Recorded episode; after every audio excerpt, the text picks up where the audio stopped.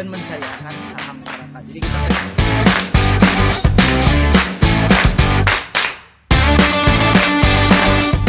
beda sama Jakarta kalau orang Bandung tuh uh, listrik investasiin buat sekolah anak. Evolve into something new. Gitu kupu-kupu mungkin ke- Eh, ayahku tuh satpam gitu kan. Di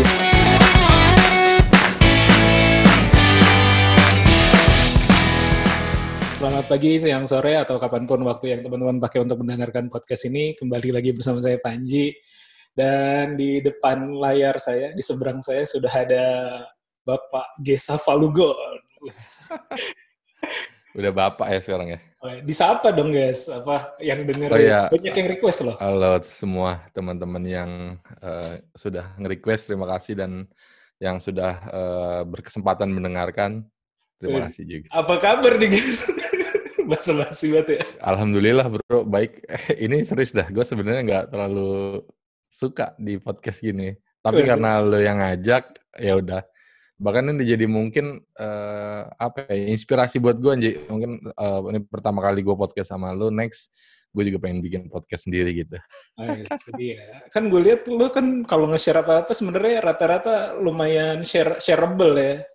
Apa banyak Iya, iya. banyak banget yang nge-share terus juga bahkan gue sampai pernah apa ya? Kayak gue ada grup gitu, grup grup mentoring ya. Namanya eh, adalah grup mentoring gitu. Dia nge-share eh, Facebook lo gitu. Ini kan temen gue aja. gitu, Keren apa, juga. gitu.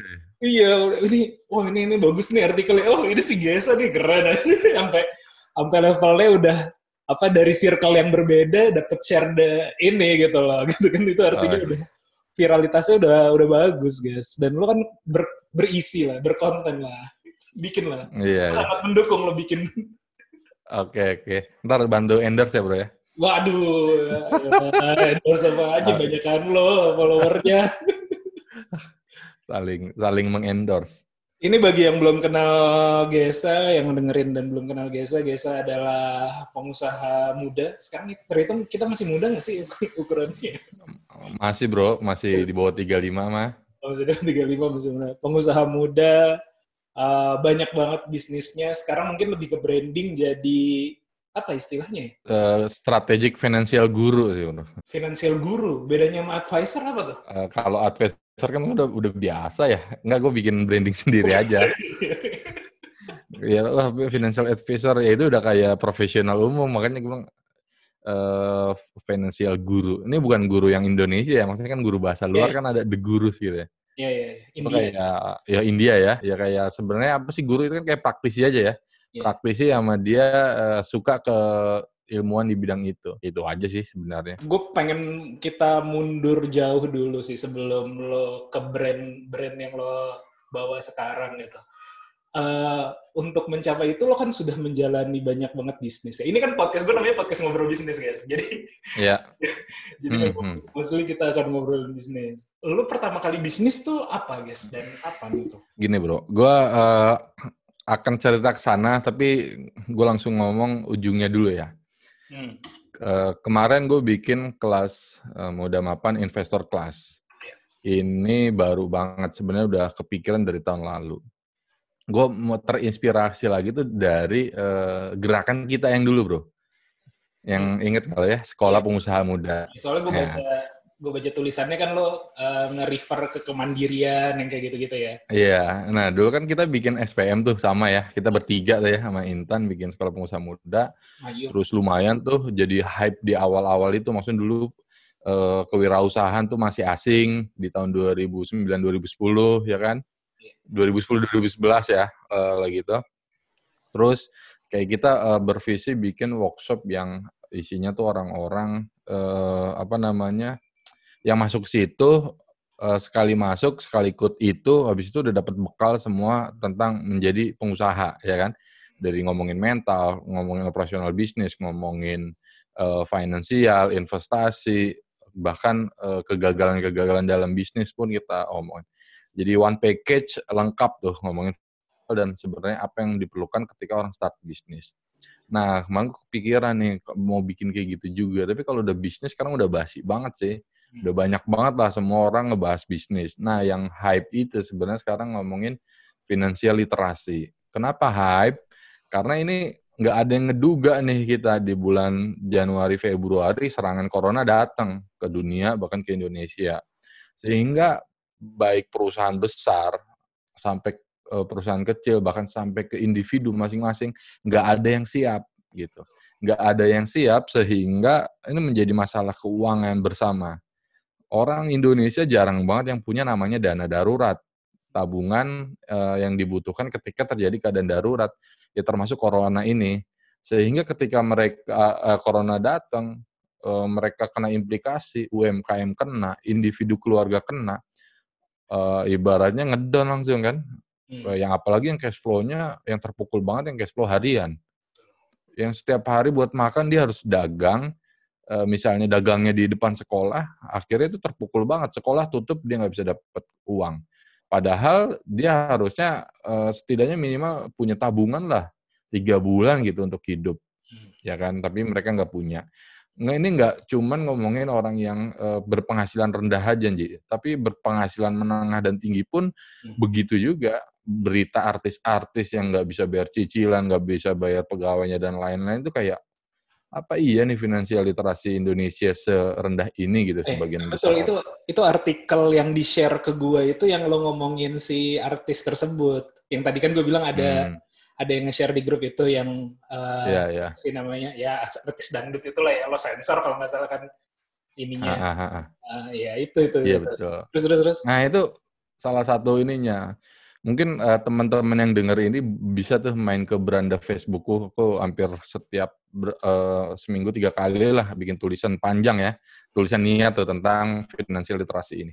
Terus akhirnya, oh ini kayaknya Indonesia eh, butuh nih eh, sebuah eh, apa ya tadi ya, eh, acara, workshop atau apa pun itu namanya yang isinya tuh fundamental. Makanya gue bikin dan ini rada unik sih bro, jarang. Maksudnya ini bikin tiga minggu lamanya kan.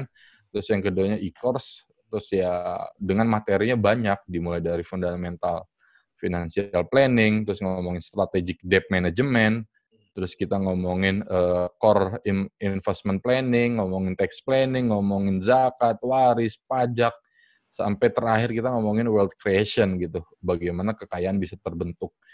Eh, ini lengkap banget sih, dan kemarin gue ketika mau buka ini nih, gue kira ah yang ngikut mah paling sedikit lah 20 orang gitu bro. Bahkan mentok eh, 50 nih. Tapi ternyata animonya gede banget gitu. Padahal harganya sih lumayan mahal. Gue bikin 3 juta bro. Hmm. 3 juta kan. Untuk e-course kan yang sekarang pasaran e-course mah 100 ribu 200 ribu orang udah bisa beli kan. Standarnya segitu. Gue bilang wah gue ini mau bikinnya lengkap full package. Jadi ketika orang masuk sini fundamentalnya dapat ya 3 juta ternyata pas gue launching coba tebak berapa? Lebih dari 50 gitu. Lebih. Dalam satu sesi berarti digabung dalam satu sesi? iya. Sampai 100 cepet leb, cepet lebih bro. Serius? Wah gila. 150 150 150 lebih. Lebih juga. Serius? Berapa udah lah eh, ya udah kisaran segitu Soalnya kan, lah oke soalnya gue ngeliat screenshot yang lo suka post-post di IG kan, kayaknya gue bilang, oh Nah, paling paling mentok 20-an ini, gue bilang kayak gitu. nah, iya iya di IG sih emang gue nggak ini tapi di Facebook kalau lihat Facebook gue rame di situ Oh, iya, iya, iya. iya. Iya sih. gue ngebangun kolam sih di Facebook ya Facebook ya. soalnya kan bisa tulisan panjang sama eh, sama hal Facebook tuh eh, masih eh, satu angkatan sama kita lah ya Hmm. terus sehingga secara keuangan juga udah yang kurang lebih satu angkatan juga gitu Hmm. Nggak yang masih baru banget kan fresh grade dan lain itu bro jadi wah eh, kemarin penutupan alhamdulillah eh, semuanya puas sih Hmm. kalau dari NPS-nya mungkin di atas 9 lah Hmm. Bahkan gue iseng nanya nih, eh, worth it nggak harga 3 juta? Bukan iseng nanya ya, gue ngasih feedback eh, for Google Form tapi anonim gitu ya, dia nggak usah nyebut nama. Ya rata-rata bilang ya worth it bang, 3 juta worth it. Hampir 100% bilang 3 juta worth it. Terus gue nanya nih berapa sih secara valuasi eh, ini gitu. Wah yang jawab 3 juta cuma empat orang bro, sisanya jawabnya 8 juta, 10 juta. Bahkan ada yang Hmm. ngargain kelas ini mah bisa 20 juta sebenarnya om Hmm. lu nggak salah ngasih harga gitu dia bilang Hmm. namanya juga pertama kali kan tapi menurut gue sih oke sih Yang penting banyak yang ikut dan serius. Filtering harga ini lumayan bro. Hmm. Kalau mungkin gua ngasih awalnya mau sejuta aja tuh ya. Hmm. Oh ngasih sejuta mungkin orang nggak seserius itu ngikutin kelas gua. Tapi ketika gua ngasih 3 juta, akhirnya pada ngikut dan serius. Oke, nah ini menjadi kepertanyaan nih, kenapa gue bikin ini atau eh, kenapa sih orang perlu finansial literasi? Iya. Baru gue akan ngomongin eh, dulu gue bisnis. Gue bisnis dimulai kita di 2009 gue, Januari 2000 pertama kali bisnis. Dari tahun 2009 sampai tahun 2012 dan lo mengikuti hidup gue ya bro ya. Kan di situ kan ada lo dalam hidup gue gitu kan. Eh, kita kuliah bareng. Gue gue ngehnya bukan ngeh sih sebenarnya selalu ngeh ya. Cuman kan kita kemarin tuh berapa minggu yang lalu ya yang ada rame-rame 100 tahun ITB 100 tahun ITB gitu kan. Terus kan gue Ah, ah, ah. nge-post story kan eh, ada tiga gambar organisasi yang gue ikutin ketika di kampus lah kira-kira. Terus lo kan lo komennya ah. adalah apa sih gimana ya? Dua per tiganya ada gua Dua. lo bilang kayak gitu kan. Karena yang satu kan jurusan kan. so, jadi Iya, satu bilang, ya sebenarnya kalau kita hitung apa ya kita hitung kebersamaan ketika di kampus sih sebenarnya mungkin bisa dibilang seluruh kehidupan kampus kita eh, mungkin 70% 80% gitu ya bareng sih sebenarnya ya Iya, beririsan. Iya. Lukisan bahkan nggak tahu lu inget atau enggak ya Eh, pertama kali orang yang gue kenal di kampus selain teman-teman SMA itu Iya. lo sebenarnya kan Ah, Iya. Gue juga pertama kali juga lu bro sebenarnya. di di ini kan di apa namanya tuh di GKU kan GKU GKU. bahkan itu sebelum sebelum kuliah kan ya itu masih Belum, Masih- iya sebelum masih persiapan. masih persiapan ya masih persiapan masa kuliah ya ya iya iya iya jadi ya itu kan gimana lanjutan pas lo lagi kuliah di tahun Iya. 2009 berarti kan kira-kira kita tingkat tiga ya Semester 6, ya tiga enam. akhir ya. tiga akhir lo mau mulai bisnis bisnis pertamanya adalah Ya, gue memutuskan bisnis. Kenapa akhirnya gue memutuskan bisnis, Nji? Hmm.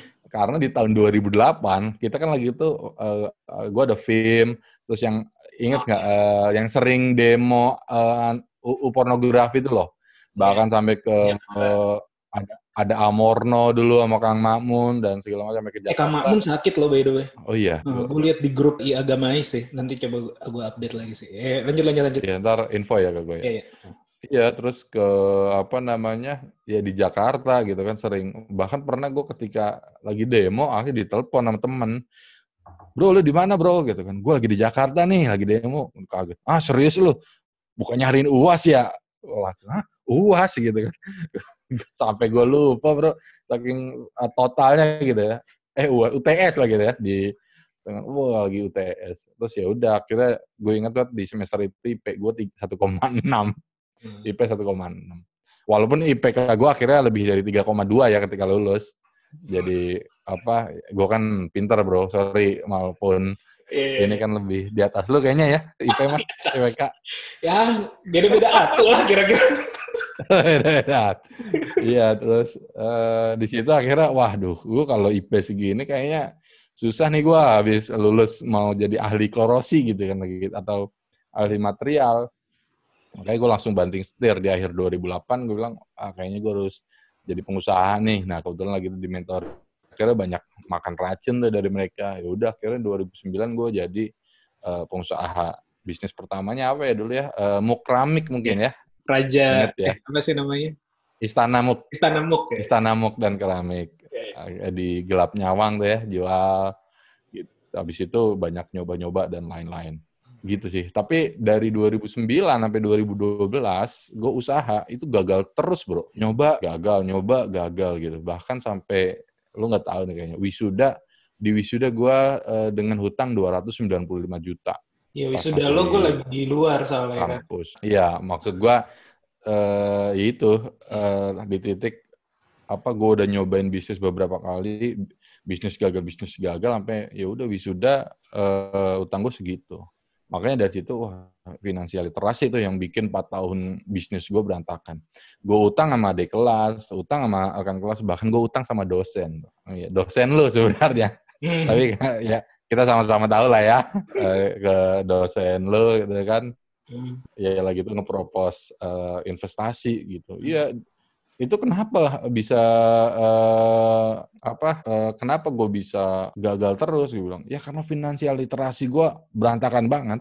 Hmm. jadi bisnis ya percuma lu dapat duit banyak tapi nggak bisa ngelolanya dengan baik gitu ya kan? Terus apa ininya finansial literasi? Ya kalau flashback dulu ya dari Istana Muk habis itu eh, apa namanya bikin kayu. Gue pernah Iya, ya, iya, yang eh, jualan kayu juga. Iya. nah itu gue finansial literasi jelek tuh yaudah apa gue lagi tuh di dapat eh, temen gitu kan kayak oh bisnis kayu nih bagus nih begini perhitungan perhitungan ya, berapa sengon modal ya. betul Ango, iya saya nggak 50 juta nih gitu kan. Trading aja sebenarnya 50 juta oh bisa dapat 40 juta nih sebulan gitu. Wih gila kan mahasiswa kan. Ya udah eh, fokusnya ya itu eh, apa agresif nekat dan greedy. Wah 50 juta jadi 40 juta. Sehingga apa? Gue nggak punya duit kan? Langsung gue open investment tanpa due diligence apa tanpa pernah ngelakuin bisnis itu jadi dari katanya katanya akhirnya gue investment Iya. investment gue 50 juta dipecah jadi 10 slot gitu kan bahasanya slot ya satu slot 5 juta Hmm. dan gue waktu itu nawarin bunga atau 8%. fixed rate 8% per Gila. bulannya bro gila Gue juga ngeliatnya kaget sih waktu itu. Lo posting di. Facebook kan itu ya? iya waktu itu lu tahu ya inget ya iya nggak itu Gila sih. itu jadi langkah kehancuran gua sih sebenarnya. Di mana Baru- bank aja ngasihnya tuh paling eh, setengah 6% ya per tahun gitu. persen setahun ini Iya, satu persen setengah persen sebulan. Iya, 8% dan gue inget banget di situ di berapa bulan itu kan ya? Gila. iya, diomelin sama Kang Randy. Ah. gila lu bro. Itu 8 persen gak kegedean gitu kan. Gini lu ngasih investor mah 2 persen juga udah mau enggak Kang. Gue yakin ini soalnya ini dapatnya bisa 80 persen nih. Jadi gue ngasih 8 persen mah kecil. Oh ya udahlah selalu gue ingetin gitu kan. Gitu. Hmm. Eh, bener bro. Bulan pertama langsung bangkrut ditipu gue Hmm. Bus, lu bayangin 50 juta minjem duit orang ya kan? Investasi ya udah terus eh, mismanagement gua gagal gitu. Jadi di bulan pertama pokoknya hilang. Padahal selain pokok gua harus nyetor bunga kan eh, 8% kali 50 juta 4 juta sebulan tuh bro. Wah langsung di bulan pertama drop stres gua. Hmm. ah gimana nih? Utang 50 kan? Ya terus mau gimana kita mahasiswa? Apa solusinya? Ya solusi yang kepikiran gua ya usaha lagi. Hmm. minjem lagi cari peluang usaha lagi gitu bro. Akhirnya itu akhirnya gue nyoba tuh buka apa ya gitu. Es krim modal 40 juta minjem lagi buka investasi Hmm. wah udah kayak orang goblok lah kayak dulu tuh Iya. terus berhasil gagal lagi bro wah sampai akhirnya Waduh, utang gue sekarang 90 juta nih gitu kan, belum sama bunga-bunganya. Wah, lagi tuh udah bingung kan tuh pasti ini what's next-nya gitu kan. Akhirnya apa nih? Ya udah usaha lagi, Bro. Cari peluang usaha, cari pinjaman lagi. Ya udah tuh begitu sampai akhirnya gue ketemu ya yang ini nih, yang rada gede bisnis eh, food service supplies. Iya. Jadi ini catering, catering pabrik. Catering pabrik tuh sehari kayak harus eh, 6.000 porsi gitu loh, gede banget kan. Jadi di- si catering pabrik ini butuh rekanan yang supply eh, bahan bakunya. Hmm. Nah, yang supply bahan bakunya gua. Jadi gua lagi tuh PO per minggunya tuh bisa sampai 50 juta. PO itu kayak kalau gue belanja ke pasar ke- eh, apa pasar induk tuh kayak beli cabe bang 1000 kilo. Oh udah bukan sekilo dua kilo lagi. Iya. beli jeruk 2000 biji. Gitu. wah udah ngininya yang begitu tuh. Kita oh tiap malam belanja tuh sama tim. Berhasil alhamdulillah berhasil. Hmm. lumayan tuh. 50 juta tiap minggu profit 13 juta. Wah jadi mahasiswa per minggu profit 13 juta kan. Tapi kan itu lagi tuh banyak utang gua jadi mulai tuh ngerapiin sebulan lancar dua bulan tuh sampai nah ini buat ngelakuin ini gua harus modal sekitar hampir 200 kan. Hmm. 150 lebih lah karena kan lumayan harus beli dulu kan terus bayarannya juga PO Iya. kayak PO satu bulan gitu mundur maksudnya. Invoice maksudnya invoice. Ya udah eh, beberapa bulan berhasil ya udah eh, senang akhirnya pas di satu titik eh, apa beberapa PO macet nih. Oh satu Hmm. PO kan 50 juta eh satu invoice 50 juta macet. Kedua oh lanjut oh itu pabriknya nih yang belum bayar gitu. Sampai ke empat invoice 200 juta gue datengin. Pabriknya ternyata udah bayar. Di cateringnya juga udah bayar. Ternyata duit gue ditilep sama orang finance cateringnya bro Hmm. wah gila. Sampai sekarang dia buron. Wah langsung shock lagi. 200 juta sekarang bro. Hilang bro. Rugi. Wah, nah 200 juta itu ada duit dosen kita gitu kan. Ada ini gitu. Iya, iya. aduh gue langsung udah tuh. Wah, makin drop tuh gue langsung. Eh, jadinya akhirnya 290 juta lebih kan. Hmm. belum yang lain-lain itu eh, bisnis yang lain. Wah di situ langsung akhirnya ya gue mikir tuh kan wah ini berantakan banget nih finansial eh, literasi lah pokoknya empat ini ya analoginya sih ya kayak kita naik pesawat kali ya. Hmm. orang belum pernah naik pesawat pertama kali naik pesawat ngerasanya aman ternyata di atas turbulensi. Wah pesawat drop gitu kan. Biasanya tuh orang bisa kapok tuh. Hmm. ah kayaknya untuk nyoba naik kedua kayaknya ah, nggak apa-apa nih. Yang Hmm. kedua nyoba naik lagi ternyata pas landing goyang. Hmm. Oh orang ngedon kan. Ya begitu juga tuh dulu gua bro. Maksud gua udah gue sampai di titik putus asa sih. Aduh kayaknya gue udah nggak bakat nih bisnis nih emang nih. Hmm. Tapi kalau gua nggak maksa, gua nggak bisa ngembalin utang-utang bro. Maksud gua ya lu tahu lah, gue dari keluarga pas-pasan, ya Hmm. kan. Eh, ke saudara gue udah tujuh, Eh, orang tua gue juga susah. Eh, dulu secara timeline kan gini, seingat gue itu kan oke, eh, lo berarti kan 2009 mulai eh, Istana MUK, terus juga eh, Sengon juga ketika lagi kuliah, kita lagi aktif-aktifnya juga di kampus kan. Eh, cuma Ya. kan eh, berarti itu kan sebelum sebelum lulus ya, sebelum gue lulus, sebelum lo lulus kan di masa-masa itu kan. Ya. Dan di Hmm. tengah-tengahnya kan kita juga ngebikin tadi kayak yang lo bilang, gue lupa sih persis waktunya ya, kayaknya tingkat akhir ya, tingkat akhir SPM itu tingkat akhir. 2011, 11 ya Oh. 2011. Ya pokoknya Intan kan angkatan 2010 dia. Intan, Intan 2000, berarti dia oh iya makanya PI. dulu jokesnya adalah orang-orang baru ngikut SPM sebagai peserta, dia udah panitia gitu ya. Iya, iya. Iya, berarti itu kan 2000, 2011 lah, taruhlah 2011. Itu kan sebenarnya bisnis, bisa dibilang bisnis yang cukup eh, enak ya, maksudnya SPM itu ya, kalau dibilang sebagai bisnis. Iya. Gue pengen nanya gini, pertama itu kan eh, cukup angin segar lah buat buat perekonomian lo pada saat itu dan juga bagi gue juga sangat lumayan kayak gitu kan hasil hasil dari SPM Iya. ah.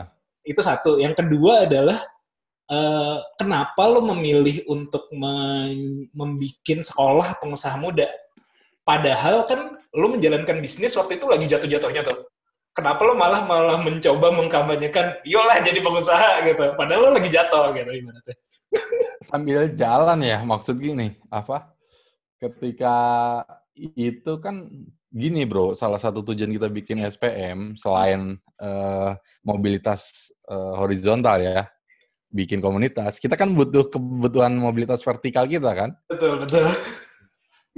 Ini habis kabinet apa nih? Kita nggak bisa ke mana-mana lagi habis ini kan. Akhirnya ya udah bikin SPM, yang habis itu kita akhirnya ke rumah Tara Jasa, ke Abu Rizal Bakri, Fadil Muhammad, ya kan. Iya, iya. Men- eh, menteri-menteri aktif waktu itu gitu. Ya itu kan salah satunya yaitu alasan kita bikin eh, SPM kayak gitu. Dan iya SPM alhamdulillah tuh eh, angin segar yang lumayan ngasih profit kan waktu itu. Dan yang waktu itu itu jadi eh, rencananya jadi modal nikah gua, Bro. Hmm. Di 2012 kan lagi tuh. Akhirnya gue nikah di November kan. Wah, ini bisa jadi modal eh, nikah tuh waktu itu. Walaupun akhirnya di titik itu ketipu lagi sih gua Oh. di situ dan ketipunya ini yang lumayan rada dalam. Jadi eh, ada duit terus ya sama partner gua, ini ada pengadaan nih proyek mesin ini nih gitu kan, 10 biji nilainya berapa ya? 80 jutaan lah gitu kan. Eh, dari 80 juta bisa jadi 120 juta nih gitu kan. Kan cuman jual beli aja kan Hmm. biar tertas eh, ketika barang sampai da- eh, apa eh, duit dibayar gitu kan Hmm. Ya udah oh dalam hati oh ya udahlah ini ini duitnya udah gua eh, mau buat nikah ibaratnya buat modal nikah tuh lagi itu mau ngelamar anak orang kan. Terus ya udah 80 juta ya ternyata udah sebulan nggak ada info. Terus sampai dua bulan nggak ada info gue tanyain ke partner gue ini mana nih? Eh, itu udah dibayar belum? Oh belum barangnya bla bla bla bla. Akhirnya gue inisiatif nelpon supplier gue bro nanyain ada pembelian nggak 10 mesin bakso? Terus udah gimana pengantaran kayak ini nggak ada bro. Fiktif Hmm. jadi itu Buset, terus dalam jadi dari awal orang itu udah niat nipu gua gitu. Jadi duit 80 jutanya sama dia diambil ya buat yang lain. Buat dia bayar utang buat dia foya-foya. Jadi itu wah gila itu di titik eh, terkelam ya mungkin ya dalam hidup gue utang gue ada banyak terus eh, di situ gua apa namanya eh, udah siapin duit buat ngelamar anak orang gitu kan bahkan di eh, di titik itu gue udah datang eh, sendiri lah ke rumah orang tuanya. Eh, baru pertemuan pertama tuh udah kayak waduh ini terus duitnya hilang gitu kan. Wah gue stres. Saking stresnya tuh gue demam berapa hari ngeringkuk sendirian sampai mimisan terus bro. Gua sampai di titik stres. Ya udahlah terus habis itu wah gelap dah hidup gua. Gua udah kayak di udah ya udah nggak mau ngapa-ngapain lagi dah itu. Hmm. terus ya udah gue sampai ngubungin calon gue lagi itu eh buat ngebatalin lah ibaratnya. Hmm. terus langsung gue ngaku sama calon istri gue lagi itu kan. Bilang eh apa deh kayaknya kita nggak bisa lanjut nih gitu kan. Hmm. nikah bilang. Kenapa? Ya terus langsung gue bilang aja ya gue bangkrut gitu sebenarnya utang gue banyak terus perusahaan gue juga sekarang lagi nggak jelas gue nggak ada cash flow yang jelas nih. Terus eh, kemarin udah punya duit buat ngumpulin biaya nikah ternyata malah ditipu sama partner terdekat sendiri lagi. Kayaknya lu eh, layak mendapatkan yang lebih baik dari gua gue bilang. Itu Iya, dalam rangka gila, gua- masih berharap juga ya, tapi biasanya bahasa-bahasa gitu masih berharap bro. Bahasa Mbak bahasa minta dukungan, berharap. cuman bahasa minta tapi dukungan. pasrah. Tapi pasrah bro udah kayak gila apa ya ntar mau ngasih makan apa gitu kan buat hidup sendiri aja susah. Ya terus langsung kan dia. Apa eh ya nggak apa-apa lah kita berusaha aja gitu kan. Terus bilang gue juga nggak ngelihat eh ibaratnya dia nerima gue bukan ngelihat Gesa yang sekarang tapi gue ngelihat potensi yang gue punya. Hmm. so gue yakin kok lu bakal jadi kan gue buat nemani kesuksesan lu lah gitu. Ibaratnya gitu. Ya alhamdulillah jadilah orangnya sekarang kan. Alhamdulillah. itu ya, walaupun akhirnya pas habis nikah terus dilihat catatan utang gue belum buset beneran ya utang lu banyak banget gitu deh. Iya makanya gue inget banget lagi itu 295 juta ya eh, utang gitu. Tapi ya pelan-pelan gitu diselesain tapi tadi bro pas habis ngomong sama ini ngasih semangat kan ya udahlah apa pun yang terjadi lanjut aja udah. Hmm. jadi masalah gue udah jadi masalah berdua lah. Maksudnya gue udah lamaran juga kan udah datang. Bukan lamaran resmi tapi gue udah datang ke orang tuanya terus udah nyatain. Udahlah kira Bismillah. Nah di situ gue kira belajar yang namanya SEO search engine optimizer yang akhirnya itu jadi cikal bakal Ramesia mesin. Di situ ya gue di bulan Juli eh April pokoknya bikin ramesiamesin.com lah. Baru di ini, ini segala macam dan Ramesia mesin ini yang ternyata jadi jalan eh, kesuksesan gue bro. Hmm. ini eh, kurang lebih gitulah eh, apa mulanya gitu kan. Jadi eh, pas abis nikah itu kita nggak disupport sama keluarga nggak disupport. Ya pokoknya beneran hidup sendiri. Terus uang sisa hasil kondangan ya kondangan nikah ada tuh ya hal gitu. Habis itu yang di ini nama istri gua.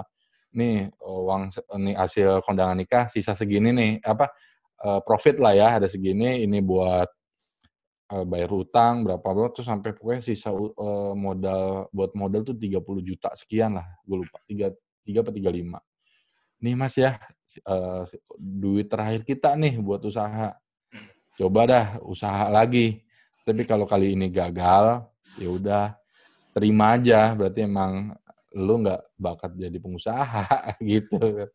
Wah ini udah kayak perang terakhir gua nih bro lagi tuh di bulan Desember lah. Akhirnya duit itu gua pakai buat nyewa ruko di Depok. Itu yang jadi ruko. Akhirnya gua mau gedein Ramesia. Dan pertama kali eh, ruko murah tuh dapat 28 juta Depok. Sisanya gue nggak bisa buat beli mesin yang Ramesia sekarang kan. Akhirnya gue beli mesin kulkas bekas, terus TV bekas, AC bekas. Gue ikut lelangan terus beli beli banyak sampai 100 biji, terus pakai teknisi ngebenerin ya udah gue jualan eh, elektronik second.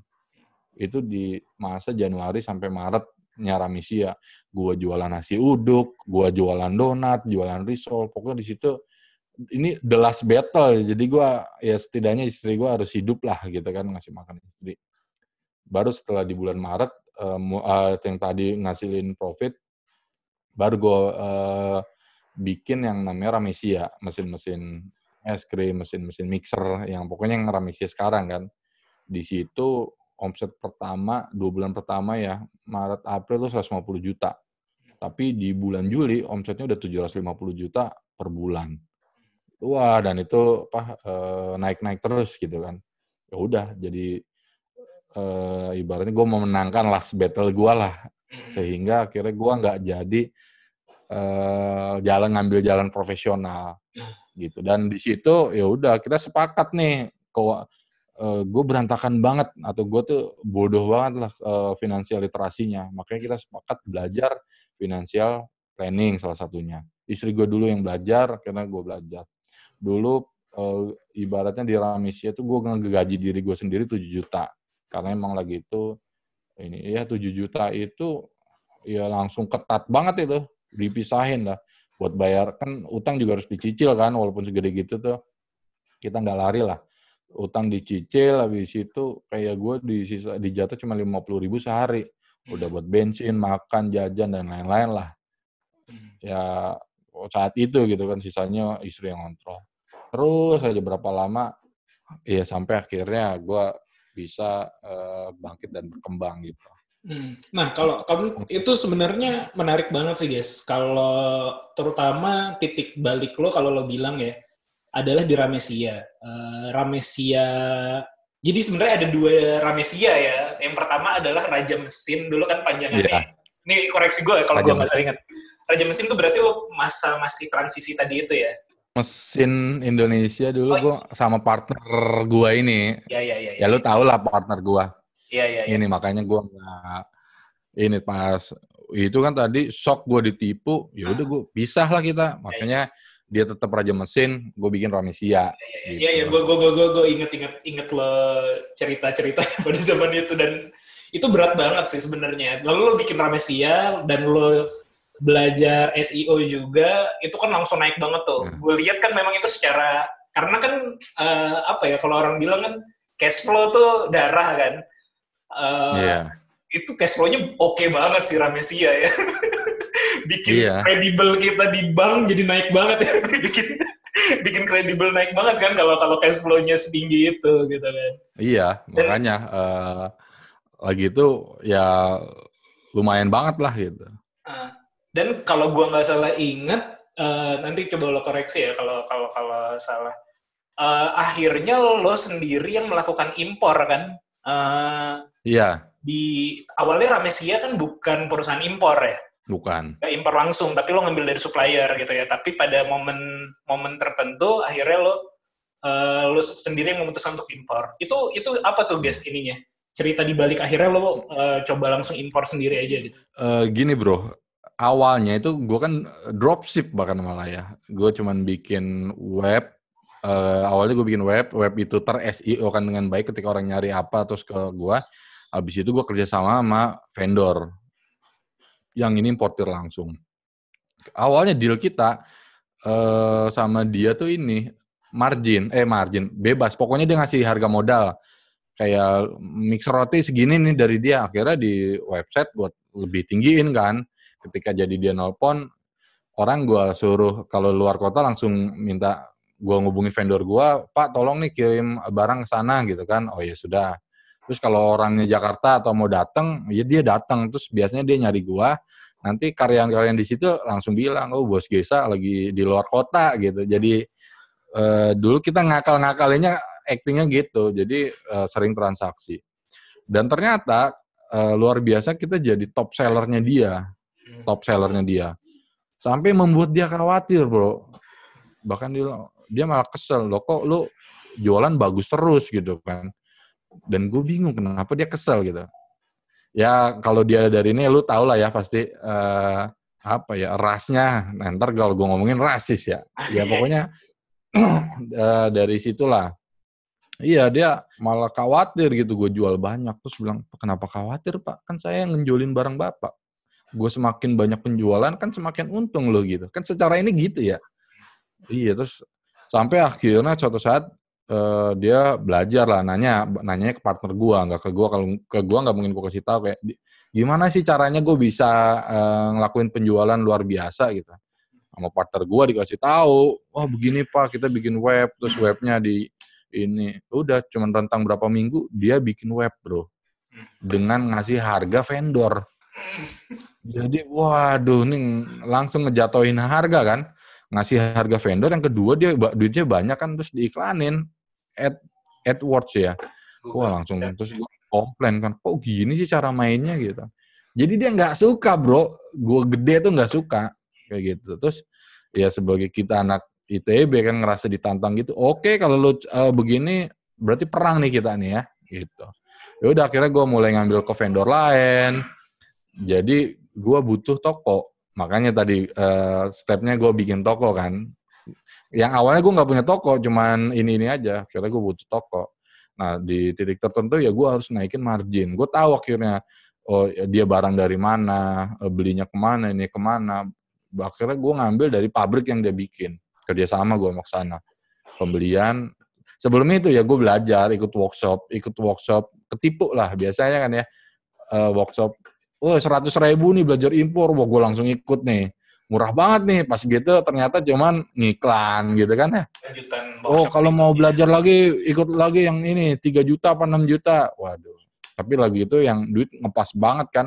Tapi mau nggak mau harus belajar. Itu termasuk tuh dulu gue mikir investasi belajar tuh. Akhirnya gue ikut.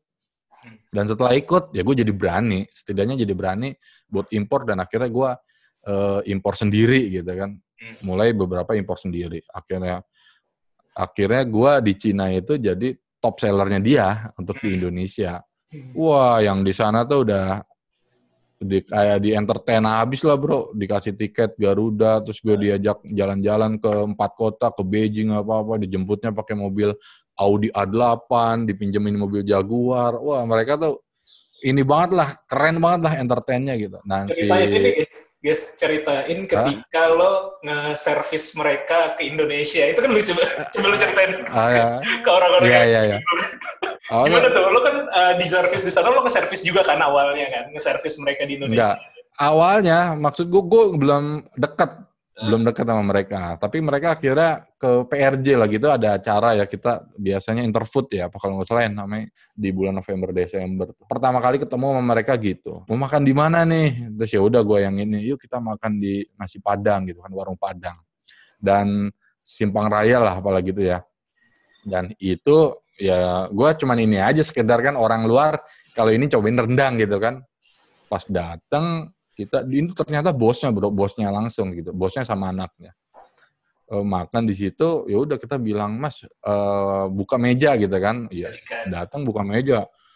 Langsung dia disediain tuh kan semua mau rendang kikil telur semua itu disediain gitu kan.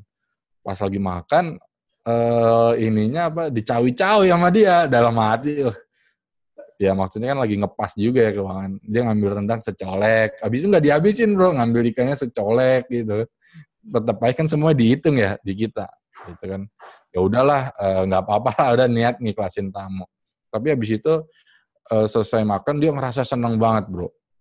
Ngerasa senengnya yang dia tangkep ya yang sebenarnya rada miss gitu. Kayak pertama kayak kita diajak makan restoran. Ya oke. Yang kedua kayak gue udah ngebooking tempat itu gitu. Sehingga mereka datang makanannya udah langsung dianterin gitu kan. Jadi kayak seolah-olah wih oh udah disiapin nih gitu. Ketiga cara eh, jadi di budaya mereka cara menghormati tamu adalah dengan memberikan eh, lauk pauk itu lebih dari enam gitu bro. Ada tuh. Jadi kalau lu ngasih lauk pauknya banyak itu berarti lu bener-bener menghormatin mereka. Ininya gitu budaya mereka. Jadi mereka tuh ngerasa terhormat gitu kan kayak wih gila gue sanjung banget nih sama calon partner bisnis, oh, partner bisnis tapi masih kecil waktu itu. Sehingga akhirnya dibilang, e, nih terima kasih banget nih udah dijamu dan sebagai rasa terima kasihnya izinin gue ngundang kalian ke uh, Cina gitu kan ke Taizo lah gitu.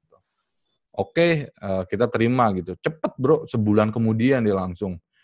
Wah, serius iya. Jadi bos besarnya itu tadi udah seneng ya uh, attitude kita, menghormati tamu, terus ini udah sama dia tuh disediain tuh semua. Uh, pesawatnya Garuda, PP, habis itu bint hotelnya bintang 5, kita ke empat uh, kota ya, ke Beijing lagi itu, terus ke Guangzhou, ke Taizo, ke mana lagi ya, lupa gua. Pokoknya empat kota dan semua itu tuh yang benar-benar di servisnya luar biasa. Bahkan kalau gua ngitungin dari booking.com, hotel, terus pesawatnya itu aja udah 100 juta, bro. Dan kita lagi itu ber, bertiga dikasihnya, bukan sendiri lagi, bertiga gitu kan. Yang di apa uh, undang gitu kayaknya. Diajak main ski diajak ke tembok Cina. Waduh pokoknya itu luar biasa sih itu mereka ngentertain habis itu akhirnya ujungnya ke pabrik ya udah kita uh, deal transaksi. Dan karena gua ITB kayak gue bikin mesin tuh yang uh, minta part-partnya dibedain tuh. Jadi kita ngasih desain sih. Ini gue mau desain kayak gini ininya diganti ini diganti di ini. Kayak gitu. Jadi mesin gua walaupun kelihatannya sama tapi sebenarnya dalamannya beda. Hmm. eh, uh, itu, itu, itu sih bro. iya itu itu lucu banget kan maksudnya artinya kan uh, ya niatnya bagus gitu tapi yang diterima sama dia jauh lebih bagus karena kan ternyata iya, budaya kita budaya apa orang Padang makan disajikan gitu apa budaya rumah makan Padang kalau makan disajikan kan bertumpuk-tumpuk tuh piringnya di meja gitu kan dan itu ternyata yeah, yeah. di sana gitu ya ada budaya kalau lauknya lebih dari enam jadi kayak menghargai tamu ya. Iya, jadi nggak uh, apa nggak sengaja yang berkah bro. Iya, iya iya iya. Tapi mungkin ya niat gue langsung dijawab kan gue niatnya ya, ya. ini tamu kan walaupun awalnya dongkol di gila berapa nih ya dicuil-cuil gitu kan. Itu tadi kan uh, perjalanannya lo akhirnya mulai dari Ramesia terus bisnis udah macam-macam lagi tuh udah kayaknya gue terakhir nge-track oh, udah nggak ke-track lagi sih sama gue bisnis properti terus juga bisnis apa ya banyak banget bukan lo perusahaan kan lu yeah. bikin beberapa anak perusahaan juga kan dari dari dari situ untuk untuk nge ngemuter duit yang ada dan juga untuk jadi channel rezeki baru lagi kayak gitu kan momennya hmm. gimana tuh guys kalau gua misalnya kalau gua gue share ya kalau gue dari ibaratnya kalau kita ngomongin Peter Thiel ya dari zero to one tuh sebenarnya relatif saat ini ke creationnya tuh uh, mudah lah kita meluat di level kita sekarang melihat peluang tuh mudah kita tangkap mudah kita grab mudah kita ciptakan suatu bisnis kayak gitu kan nah cuman momen dari satu to million lah atau satu jadi gedenya tuh apa guys yang membuat lo bisa begitu guys? Eh sebenarnya udah gue jawab lengkap di kelas muda mapan ini bro. Spoiler, spoiler. Dikit, dikit. Eh uh, apa gini?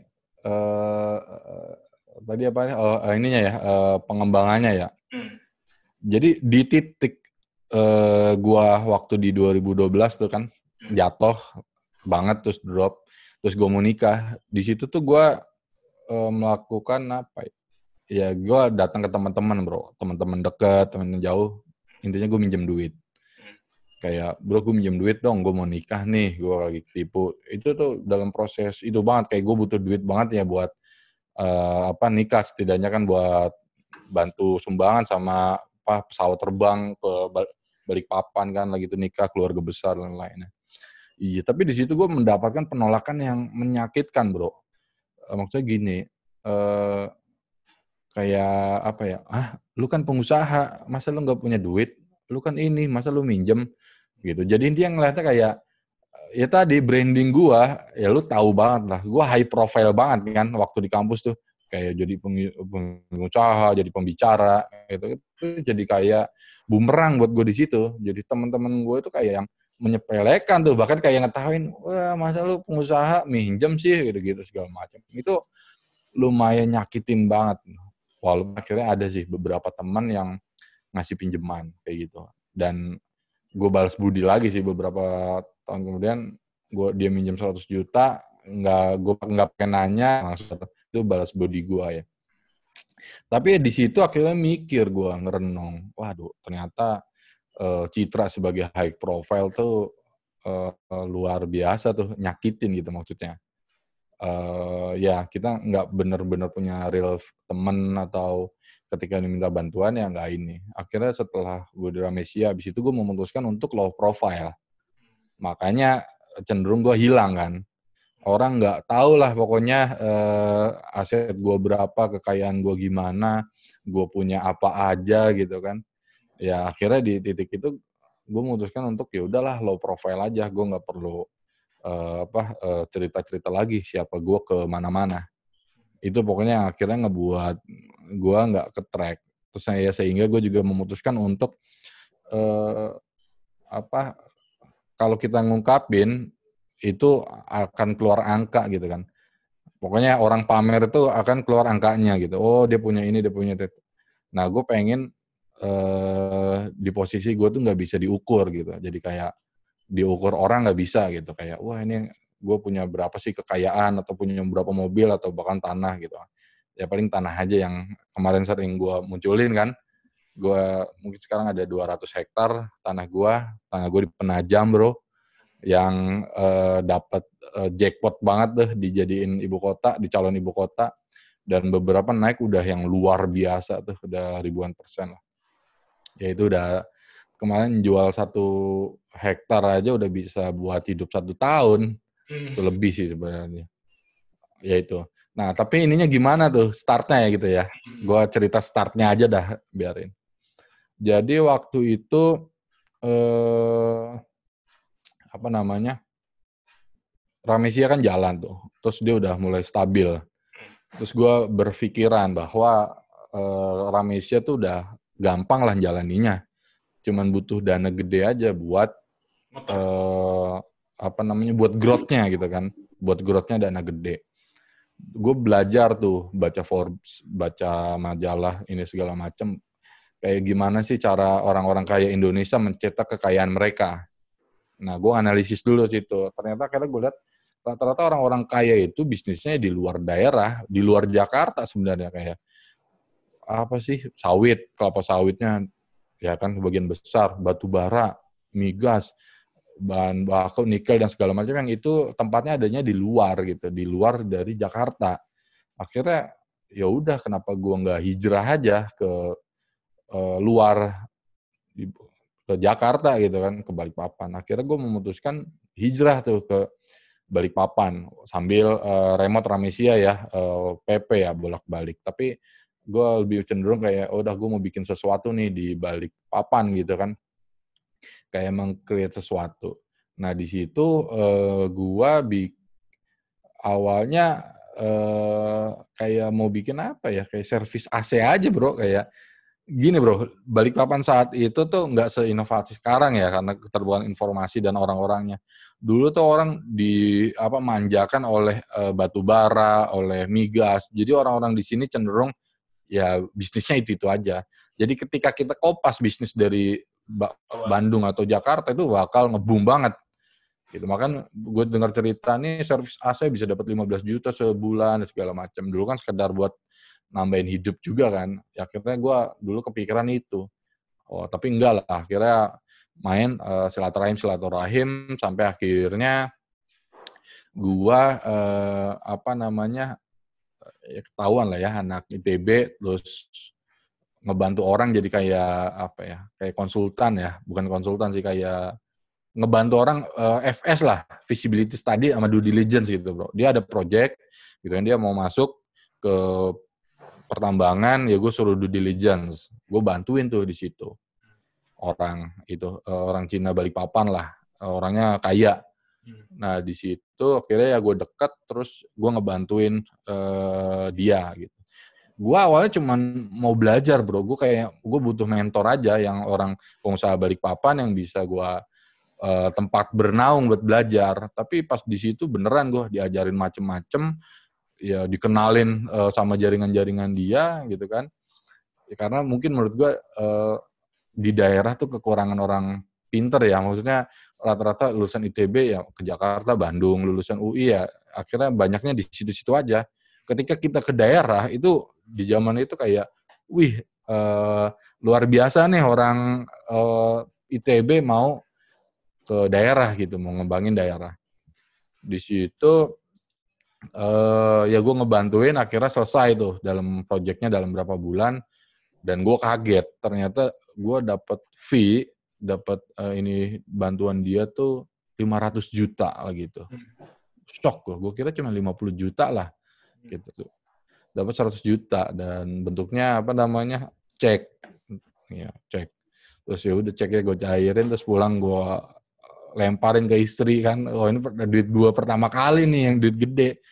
Wah langsung gue wah duit dari mana nih nenek terus gue ceritain kan. Oh iya iya iya iya.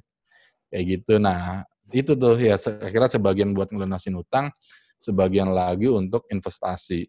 Gue beli tanah waktu itu belum banyak tahu sih kayak tanahnya eh, ya beli tanah di daerah yang strategis menurut gua ya.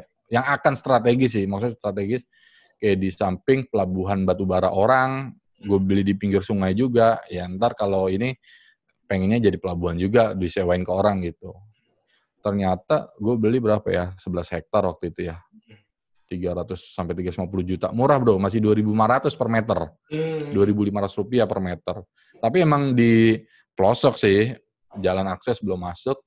Ya tadi gue lihatnya daerah itu bagus banget kayak nyari-nyari itu yang paling cocok buat pelabuhan untuk radius eh, 50 kilo kali ya.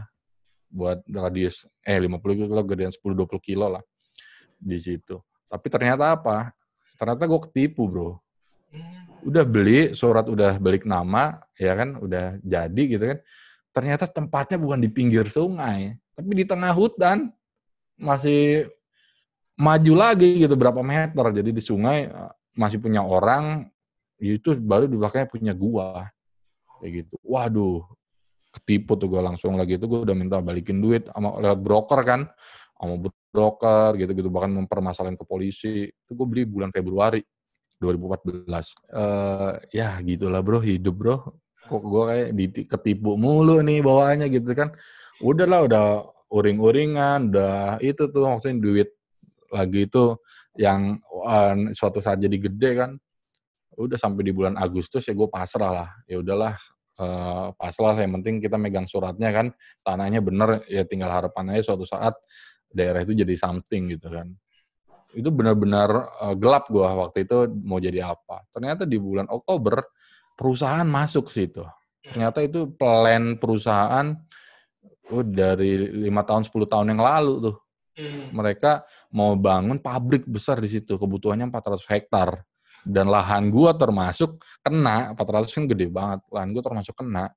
Kayak gitu. Terus ya udah Gua- kena ngobrol-ngobrol-ngobrol. Ya gue ingat momen momen lo cerita itu ya, hanya dalam berapa bulan lipatannya langsung berapa kali lipat gitu ya. Terus Ah, ini nih. nah, terus Ini kalau nggak salah gitu. lo juga akhirnya membantu si perusahaan tersebut untuk membebaskan lahan Iya. sekitar ya, kalau nggak salah ya. Ah, ah. Gimana tuh gimana? Ya tuh? aw- awalnya tuh pertama langsung dari yang tadinya eh apa ya gua ketemu perusahaannya gitu kan ya bak itu gue bilang deal berapa dealnya akhirnya dari tanah ya? gue 2500 Yang Rusia ini bukan ya? Bukan. bukan bukan Oh, bukan. bukan di bawah ada perusahaan pabrik kertas lah Hmm. Dari 2.500 per meter di bulan Februari gue jual gue di bulan November gue jual di angka 50.000 per meter bro. Lipatannya 20 kali lipat dalam waktu 10 bulan. Kayak gitu. Lagi itu gue ini aja so-soan aja nembak gitu kan. Karena dia berharap jadi partner gue maksudnya dia berharap gue bantuin bebasin sekitarnya.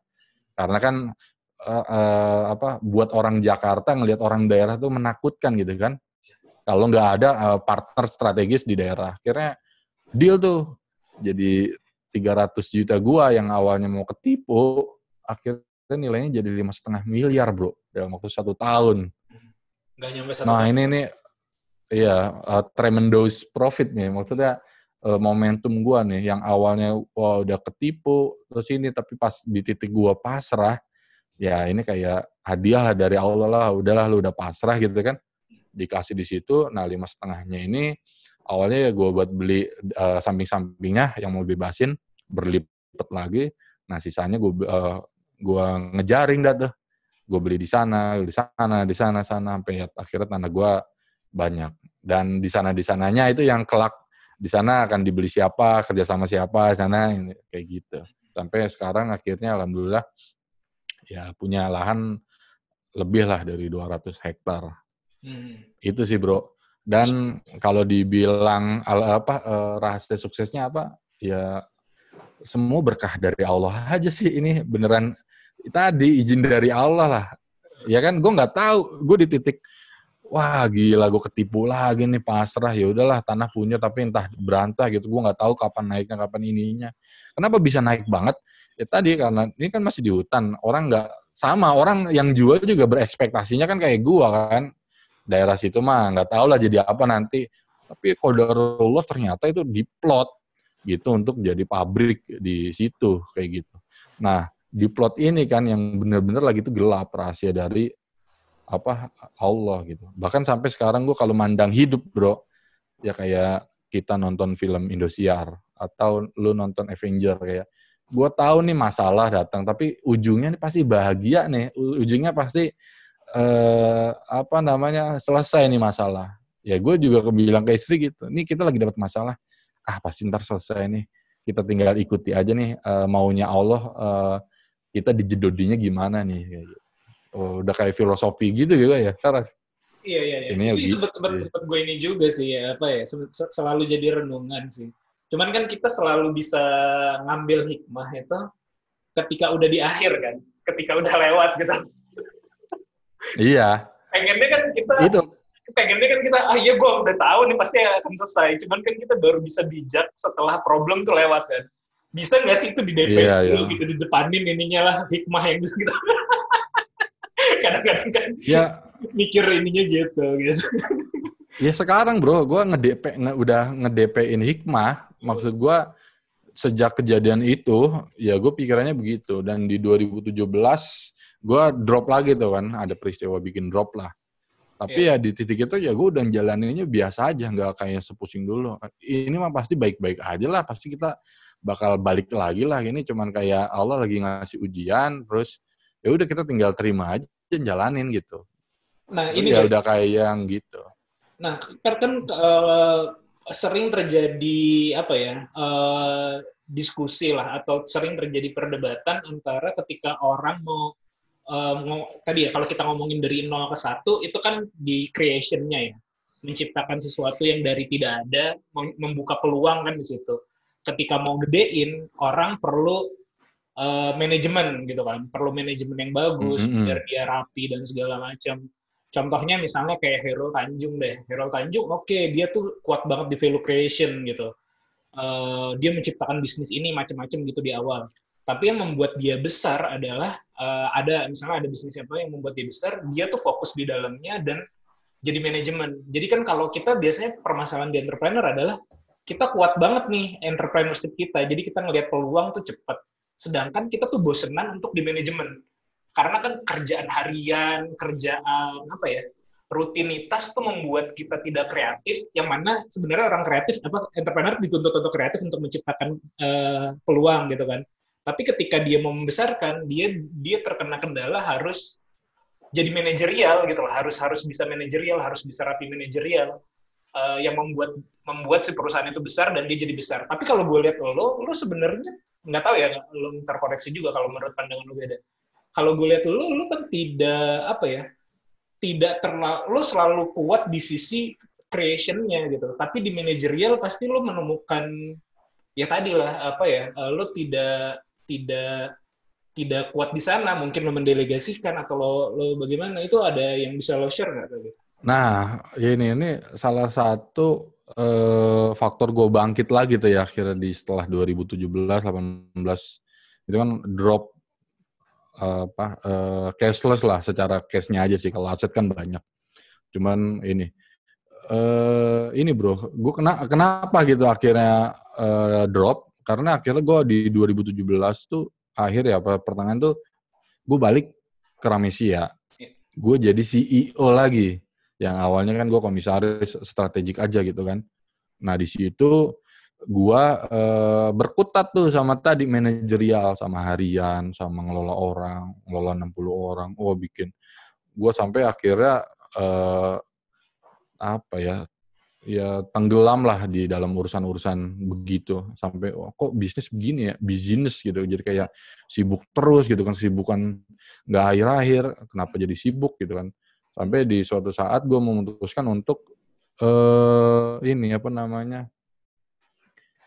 eh, temu bakat itu loh talent mapping. Ada Abah Rahmat temu bakat terus gue ngetes tuh kayak gue kayak gimana sih sebenarnya? Kayak gue sih layak jadi CEO apa sih gitu kan? Kayak ini ternyata pas dites ya benar gue nggak cocok jadi CEO Ramisia gue lebih cocok jadi CEO Paragon gitu lah. Hmm. kan temu bakat tuh ada 34 urutan. Kalau gue 34 terakhirnya tuh di tujuh terakhir tuh ada yang komen kompetitif eh competition gitu. Komen tuh kayak yang eh, komando gitu ngasih perintah ke orang-orang terus competition kayak eh, mode-nya tuh sama eh, kom- sama kompetitor tuh kompetisi terus gue harus jadi juara satu gue harus ini. Padahal gue nggak begitu. Gue ternyata lebih ke belief harmoni lebih ke optimizer win-win solution gitu loh. Jadi kayak gue ngelihatnya selalu eh gue menang pihak yang lain juga menang gitu. Ngebawanya itu gitu. Makanya di situ gue sadar bahwa oh gue ikan ikan berenang. Gue nggak bisa maksa manjat nggak bisa lari. Monyet naik pohon. Gitu bro. Eh, di titik ini banyak yang pengusaha itu sebenarnya salah dia. Eh, dia terpa apa dipaksa untuk eh, main di game plan atau battlefield-nya orang karena gengsi lah atau apa. Kayak gue mungkin salah satunya juga karena wih kalau Resio Ramisi kan keren terkenal gitu kan. Keliling ini segala macam tapi kalau yang ini kan enggak gitu jadi akhirnya gitu battlefield-nya. Jangan-jangan salah gitu. Lu nggak tahu lu lu udah ngecek gitu. Nah gue sejak ngecek itu di bulan Mei 2019 akhirnya gue keluar. Ternyata dan gue nginget-nginget lagi wealth creation gue itu bukan dengan mimpin perusahaan terus apa namanya eh, apa ngatur manajerial ngatur omset ngejar omset tapi dengan silaturahim dengan connecting the dot gue ngubungin pihak yang punya masalah dengan pihak yang punya solusi. Gitu kan. Tadi perusahaan gue bantu masalah lo apa?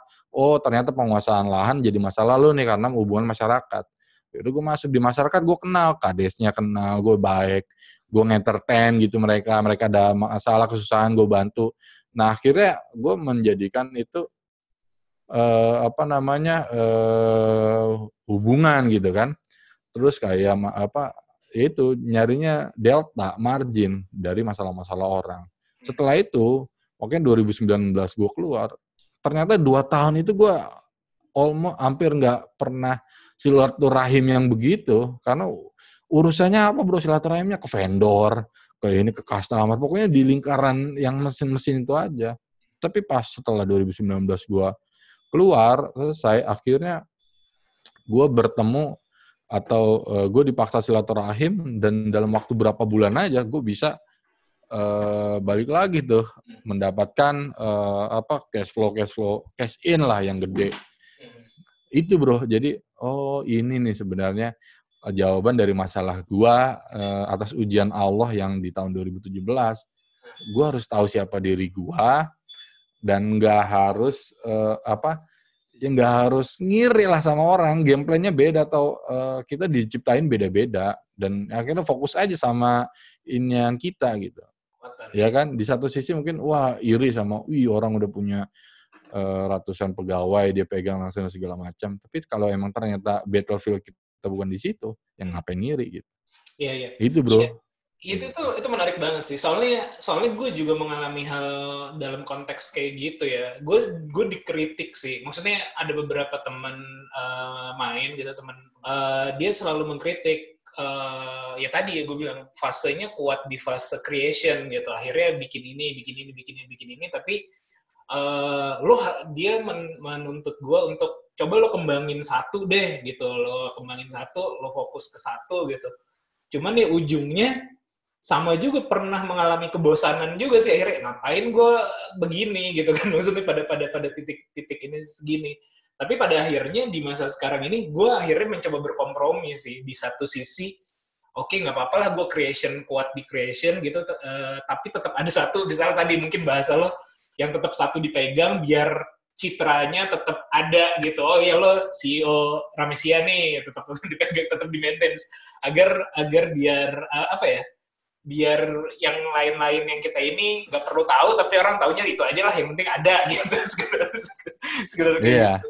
Eh, tapi maksud gue itu itu kalau kalau gue nggak tahu ya, eh, ya, eh, tapi gue lihat kalau tadi ya kalau contoh kayak Hairul Tanjung itu pasti ada momentum dia berubah jadi manajerial bro makanya gue juga jadi agak ragu nih gue harus nyari ini kan model nih makanya wah ini si Gesa nih bisa jadi model nih karena kan dia tidak tidak kuat di manajerial tuh jadinya. Soalnya kalau gue, gue lihat tuh CT itu pasti ada momen. Akhirnya gue ada momen begitu dia momen dia fokus di ini oke digedein baru dia tuh baru jadi konglomerasi lah ibaratnya. Jadi sebelum dia masuk fase konglomerasi dia pasti ngebangun satu corporate aja yang ajak yang bener-bener jadi gede gitu loh. Baru dia mulai berkonglomerasi dengan beberapa bisnis kayak gitu. Ya akhirnya mau nggak mau kita berpartner berkolaborasi sama yang Go. S level ya atau A level. Makanya gue sekarang eh, tim di perusahaan yang S2 SBM, eh, S2 ITB ada dua, S1-nya juga ITB, satu lagi ITB. Jadi sama ITB ITB juga gitu, yang kualitas dan mereka ma- manajerialnya oke. Hmm. Jadi emang eh, nutup gitu. Nah, Hmm, buat iya. berpartner kan emang harus ngelihat kan kita saling mengisi gitu. Oh, lu bisanya ini, lu bisanya itu. Hmm. Ya itu emang harus begitu sih. Makanya sekarang udah susah sih founder satu orang tuh atau ngejalanin ini Iya, satu orang. Oh iya, berarti eh, apa tips lo adalah ketika memang tidak bisa masuk ke fase manajerial atau memang nggak cocok di sono, ya udah tinggalin aja sekalian ya mendingan lo yang kuat tinggal cari partner yang bisa manage itu gitu ya. Iya, iya begitu bro. Hmm. Bahkan di titik sekarang ya, Hmm. apa? Gue kalau kerja sama atau invest ke orang yang dulu kita ngomonginnya gue mayoritas 60% gitu kan ya. Kita sebagai pengendali gitu. Sekarang mah udah 30% aja. Hmm. Karena gue mau nge, apa namanya ngendorse biar apa teman-teman partner yang itu yang benar-benar semangat ngegedein itu gitu. Hmm. gitu ya. Makanya mungkin pola eh, akhirnya eh, sama bro ya sama pikiran-pikiran visi dan lain-lain ya. Kalau dulu kan masih nganggap buat ngapain masuk segitu tapi kecil gitu kan persentase. Tapi ke sini-sini oh iya ya eh, ternyata ngejalan bisnis tuh nggak segampang itu. Jadi eh, kita manajerial itu nggak gampang makanya kita harus menghargai orang yang ngambil di situ terus ya udah ngasih bagian mereka biar mereka tetap sama kita gitu. Oke. Eh, kalau sekarang eh, lo kan tadi berangkatnya dari cerita tentang muda mapan nih. Coba kalau mau diakhiri di dengan muda mapan juga yang lo harapkan apa sih sebenarnya dengan bikin eh, dulu bikin gerakan entrepreneurship lah agar semua orang jadi entrepreneur lah atau bukan semua orang jadi entrepreneur agar semua orang punya pilihan gitu kan ya narasi kita dulu tuh agar agar orang punya Hmm, pilihan iya. selain hanya kerja Pilihan. bisa entrepreneur bisa kerja Dan S2. dan S2 S, S2 tapi tuh suka jadi pelarian sih gue gue suka agak kesel Ya tapi tetap tetap aja kan pilihan orang lah gitu kan cuman kerja kalau nggak S2 gitu kan. ya ya ya Kita ngasih pilihan ketiga, entrepreneur. Kayak gitu. Nah sekarang mudah mapan outputnya apa bro yang lo lihat? Kalau gue lihat kan memang eh, kalau gue lihat memang sekarang nih eh, kelas menengah makin lebar, makanya banyak orang yang mulai mau manage uangnya dalam skala tertentu atau udah mulai aware lah. Karena kan mayoritas generasi kita ya, gue rasa eh, bisa dibilang mungkin ya mayoritas ya, gue nggak tahu datanya sih, tapi mayoritas generasi kita pasti kan mengalami ekonomi yang tidak menyenangkan lah, kayak misalnya atas bawah gitu ya, ke orang tua, ke Ya. keluarga kita Sandwich. sendiri eh ya sandwich ya istilahnya eh, atau ya apa pun lah ya eh, banyak malam itu dan eh, di, di sisi lain kita sebagai orang tua pengennya an- eh, kalau kita anak kita gede nanti gua nggak pengen nyusahin mereka. Sebenarnya ada mindset kayak gitu kan. Makanya mulai tuh eh, apa financial planner laku lah terus apa segala macam yang kayak gitu-gitu laku gitu. Lo ada arah ke situ juga kah? Eh, atau lo lebih gimana yang pengen lo bangun dengan dengan eh, muda mapan ini Resiko banget nih kalau eh, Indonesia finansial literasinya banyak yang rendah gitu. paling gampangnya orang jadi gampang tertipu investasi. Hmm. Dia tertipu investasi sama temennya, sama partner. Atau demi kepentingan gue sih sebenarnya level investor, investor ada levelnya, pengusaha ada levelnya. Yang orang sering itu pengusaha pemula ketemu dengan investor pemula. Jadinya tuh biasanya hancur tuh, berantakan. Berantakannya gimana? Salah satu investor taunya investasi ya untung. Ketika rugi, ah lu nipu. Ketika rugi, ah lu eh, investasi bodong nih. Kan begitu kan ya kayak gitu. Jadi gue lagi pengen bikin komunitas. Salah satunya ya ini orang-orang yang udah ngerti lah uh, finansial literasi. Jadi pertama dia harus udah uh, perbaiki keuangan keluarganya dulu gitu. Banyak loh yang penghasilannya gede, uh, tapi keuangannya bermasalah. Kayak gitu nih uh, apa banyak banget. Uh, jadi uang dapat itu larinya ke konsumtif semua.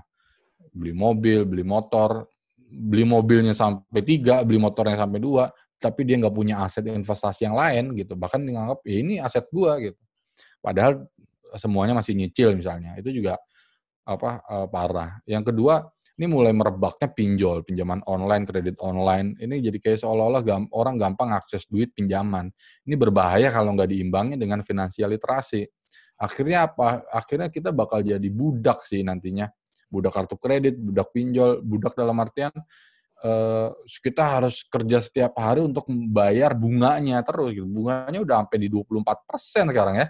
24 persen, 30 persen per bulan itu yang sakit banget sih menurut gua.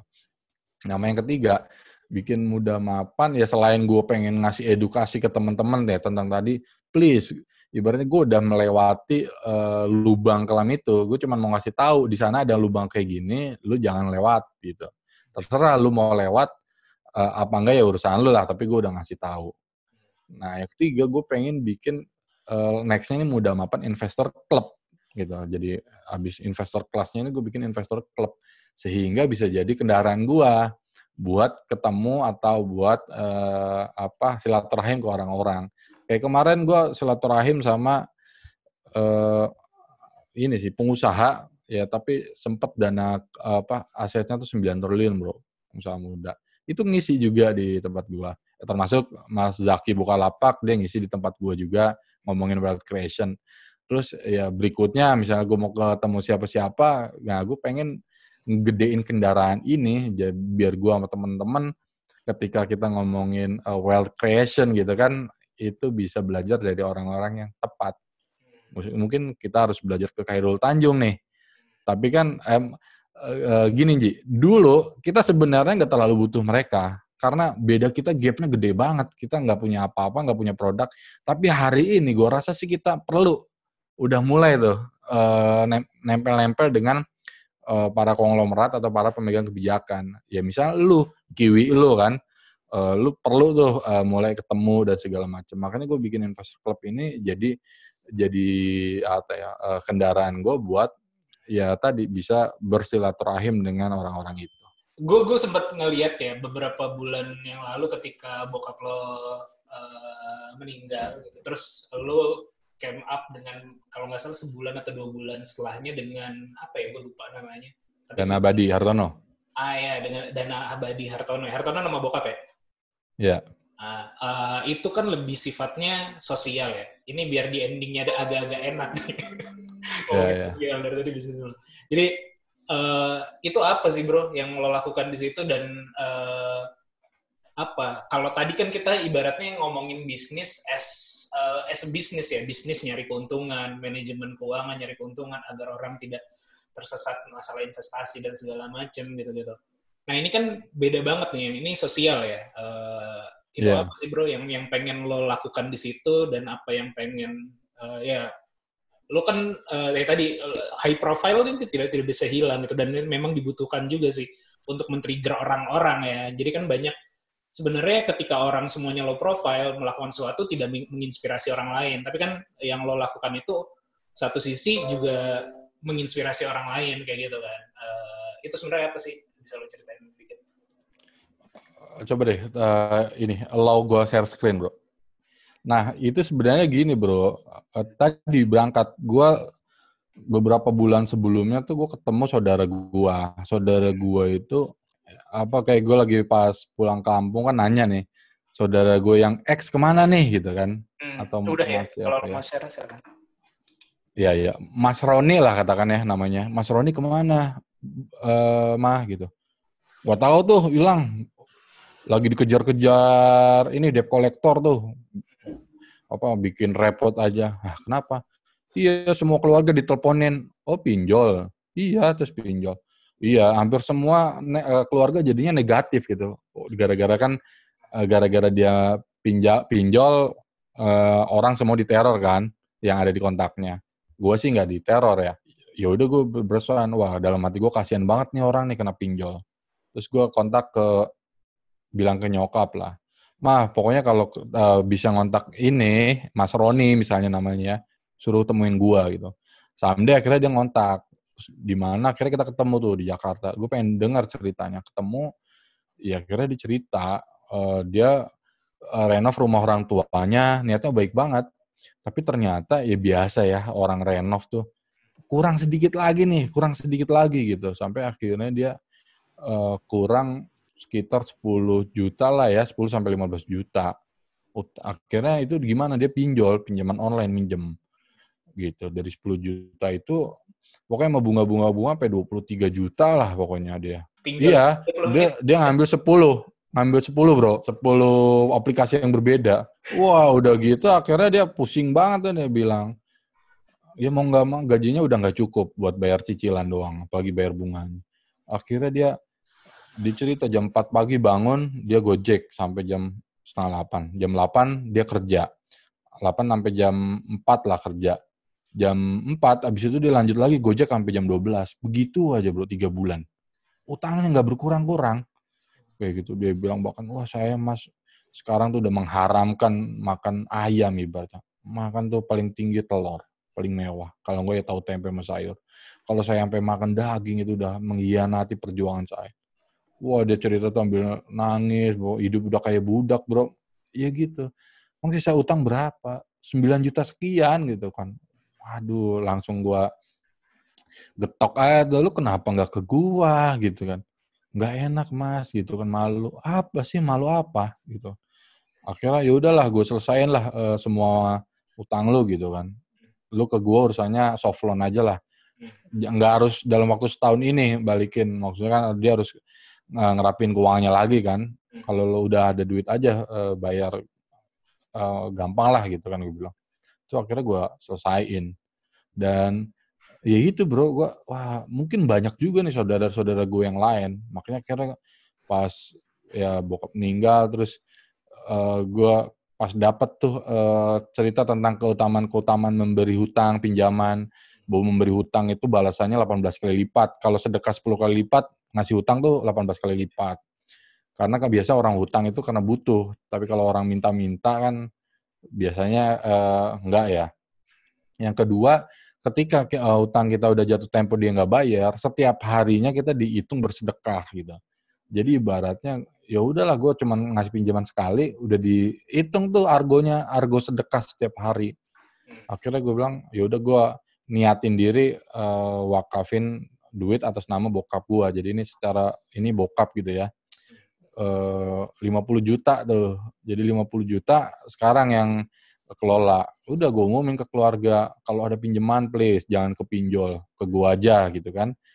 Eh, ke lembaga ini nyokap sih yang ngelola gitu. Eh, maksimal pinjaman plafon 3 juta. Kalau keluarga deket 5 juta. Cicilan 10% sebulan. Jadi 10 bulan tuh lunas lah. Ya udah kayak gitu. Oh, banyak yang ngajuin ternyata. Bahkan kemarin baru ngajuin sekolah, anak mau sekolah nggak ada duit sama sekali, butuh bayar satu setengah juta. Kira kita eh, apa namanya kita eh, kasih gitu kan. Mana nih bro belum share screen host disable? Ah ya udah udah. Nah ini nih laporan gua sekarang nih baru per 7 Juli kemarin. Hmm. Jadi pas bokap meninggal ya langsung gua bikin lah niatin biar jadi amal jariyahnya dia tuh motor terus. Dan sekarang dari 50 juta itu udah hampir dua kali lipat bro. Iya, 94 juta tuh. Keluar masuk keluar masuk. Soalnya nggak nggak nggak semuanya 10 bulan kan. Ada yang wah nih urgent nih nunggu buat makan sambil dan tergajian nah itu pasti segala macam 13 pinjaman rumah tangga 13 Iya, dan- untuk dan modal usaha. Gede ya, maksudnya bukan gue gue tadi kebayangnya tuh lo kayak naro berapa m kayak gitu gitu. Ternyata pinjamannya ataupun orang ternyata terjebaknya di skala yang tidak apa ya? Iya. banget juga. Orang ya. tuh cuman kejebak di sejuta dua juta, bro. Hmm. Iya, ya, itu maksudnya bukan yang yang puluhan juta. Iya, jadi Iya. ini ini keren sih sebenarnya gue gue pas lo bilang gitu gue kaget sih maksudnya gue kok gue bisa gak kepikiran ya Iya, iya, iya. Gue gue Lu kan tahu kualitas gua di atas lu dikit, bro. iya sih lah selalu lah ya, tapi maksud gue eh iya maksud gue ini keren sih dan gue gue sebenarnya ada arisan bulanan kan sama keluarga di satu sisi Iya. juga ada yang model tabungan gitu orang bisa minjem dari situ untuk keperluan apa pun gitu loh. Tapi kan ya itu atas nama keluarga besar. Tapi maksud gue eh ya ini mungkin bisa juga dari dari yang kayak gini untuk lingkungan terkecil misalnya untuk karyawan kayak di Nah, kantor iya. untuk tetangga-tetangga kayak maksud gue lingkupnya tertentu gitu itu juga atau ya mungkin keluarga yang lebih itu kan keluarga nyokap Iya. mungkin dari keluarga bokap bisa maksud gue itu keren banget sih ya ini nih Ini ini duplicate duplicatable, bro. Iya, Gampang iya. banget diduplikasi. Ah, Kalau di perusahaan gua sih udah Hmm. kayak Ramisia tuh kita ada dana abadi yang karyawan boleh minjem tapi nilainya tuh berapa kali gaji gitu. Ntar setiap ini dipotong. hmm. Jadi nge-endorse banget tuh jangan sampai ke pinjaman online ini tanpa bunga, tanpa administrasi. Jadi ya lu minjem berapa, ini berapa. Harapan gue cuman balasan dari Allah dengan segudang keutamaannya gitu. Hmm. Ini gue juga mulainya 50 juta dan 50 juta wih lu apa maksudnya lumayan juga gitu bro. Bahkan start 20 juta gue rasa sih masih oke lah. Iya, Maksudnya nggak usah jauh ya kalau jauh kan lu susah ngontrolnya atau apa. Ini jadi eh, keluarga kakek lah. Maksudnya eh, dua tire gitu ya. Gua nge ininya gitu. Terus gimana kalau nanti mereka nggak balikin? Ya nggak apa-apa. Maksudnya someday hutang pasti akan dibalikin. Selama nggak dibalikin, secara akun kan berarti duit kita lagi berproduksi kan, produktif kan. Iya, iya. Emang duit buat diutangin gitu. Cuman masalahnya paling nanti saldonya ketika orang mau minjem nggak ada, tungguin cicilan yang lain gitu. Hmm. Nah, karena konsepnya cicilan 10%, jadi tadi 50 juta keluar semua, setiap bulan tuh ada 5 juta tuh minimal. Jadi ada orang lagi ngajuin itu bisa Hmm. gitu. Dan ini mau bakal kalau sebenarnya kalau kebutuhannya udah tinggi, gue top up bro. Tapi Hmm. ternyata ya gue nyiapin segini, orang juga nggak eh, nggak banyak Hmm. yang butuh gitu. Iya, Dan iya. beneran dah sejuta dua juta itu buat kita kayaknya kecil, tapi buat mereka tuh kayak Mbak buat beli beras Mbak minjem lima ratus ribu nanti eh, minggu depan pas gajian aku balikin gitu. Ya itu gara-gara finansial literasinya ngepas gitu kan orang.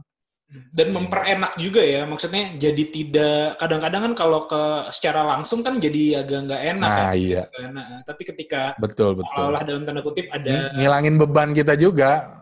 iya iya iya betul betul ngilangin beban kalau nagih Sama sama buat ngasih tekanan tekanan ke orang itu juga bro. Jadi wah ini duit dari almarhum nih gitu kan kalau nggak dibalikin gimana gitu. Iya. Tapi ini konsep satunya ya. Kalau konsep duanya sebenarnya bisa kita masing-masing keluarga kayaknya ngasih eh, donasi setiap bulan rutin katakan sepuluh ribu dua puluh ribu gitu kan banyak kan dikumpulin aja. Nanti kalau ada yang apa pinjemin kayak gitu. Namanya daunan abadi kan kita nilainya nggak akan berkurang, cuman eh, liquid apa enggak maksudnya lagi di eh, ini apa enggak kayak gitu sih. Oke, iya, iya. Iya, iya, gitu. Ini pas banget nih gue lagi mensyaratkan apa eh, teman-teman yang kemarin ikut kelas mudah mapan kalau dia mau mudah mapan investor klub gue suruh dia minimal donasi sejuta nih ke sini. Jadi ntar nih saldonya nambah lagi nih.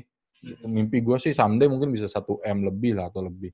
Tapi gue nggak ngejar angka banget sih. Maksudnya pasti Allah bakal ngasih sih apa kalau emang ntar orang banyak butuh gitu kan ya udah dibantu dibantu dibantu gitu.